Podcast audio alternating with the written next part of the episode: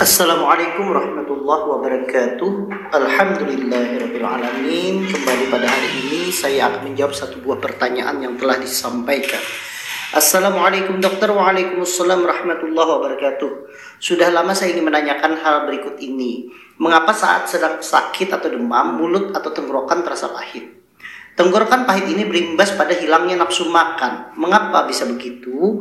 Apakah ada hubungannya dengan obat-obatan demam atau antibiotik yang saya minum sehingga mulut terasa pahit? Bagaimana cara mengatasi mulut terasa pahit tersebut? Berapa lama kondisi pak mulut pahit tersebut akan hilang? Mohon penjelasannya dok. Atas jawabannya saya ucapkan terima kasih dari Daniar. Uh, baik, ini Bapak ya mungkin ya. Baik, baik Bapak Daniar, terima kasih banyak atas pertanyaannya. Jadi kita berbicara tentang masalah mulut yang pahit. Jadi dalam keadaan demam memang ada beberapa keluhan dari pasien mulut terasa pahit.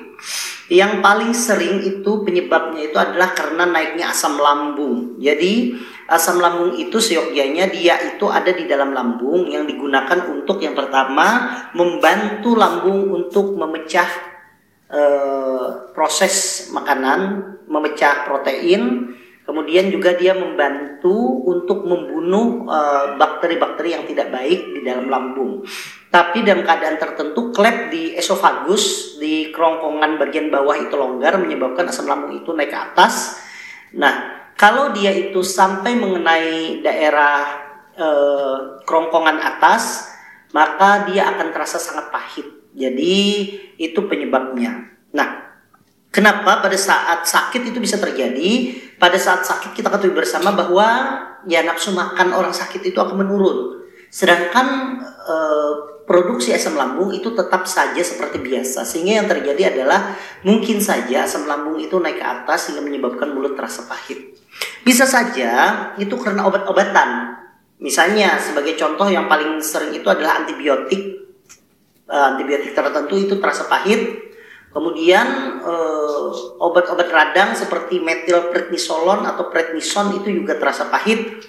Itu juga akan berpengaruh terhadap uh, rasa pahit yang ada di mulut. Cuma perlu diperhatikan kalau ini terjadi, ini biasanya harus harus sebelumnya dia mengonsumsi obat dulu. Kalau tidak ada mengonsumsi obat berarti bukan karena obat-obatan tersebut. Bisa juga terasa pahit itu karena misalnya um, mulut yang kering, ya mulut yang kering itu menyebabkan pertumbuhan bakteri itu banyak sehingga mulut itu terasa tidak nyaman, terasa pahit dan ini juga akan berpengaruh kepada seseorang bahkan tenggorokan menjadi terasa tidak enak. Nah, bagaimana cara mengatasi hal tersebut? Cara mengatasinya adalah dalam keadaan misalnya mulut yang kering maka disarankan untuk uh, berkumur-kumur dengan pelembab mulut.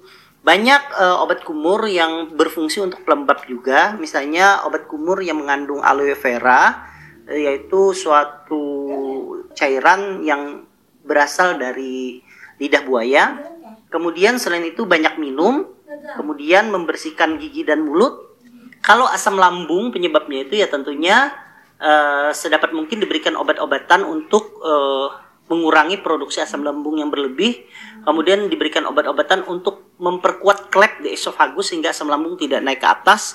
Kalau itu karena uh, obat antibiotik atau obat-obat tertentu ya di stop obat tersebut yang menyebabkan seseorang menjadi tidak nyaman.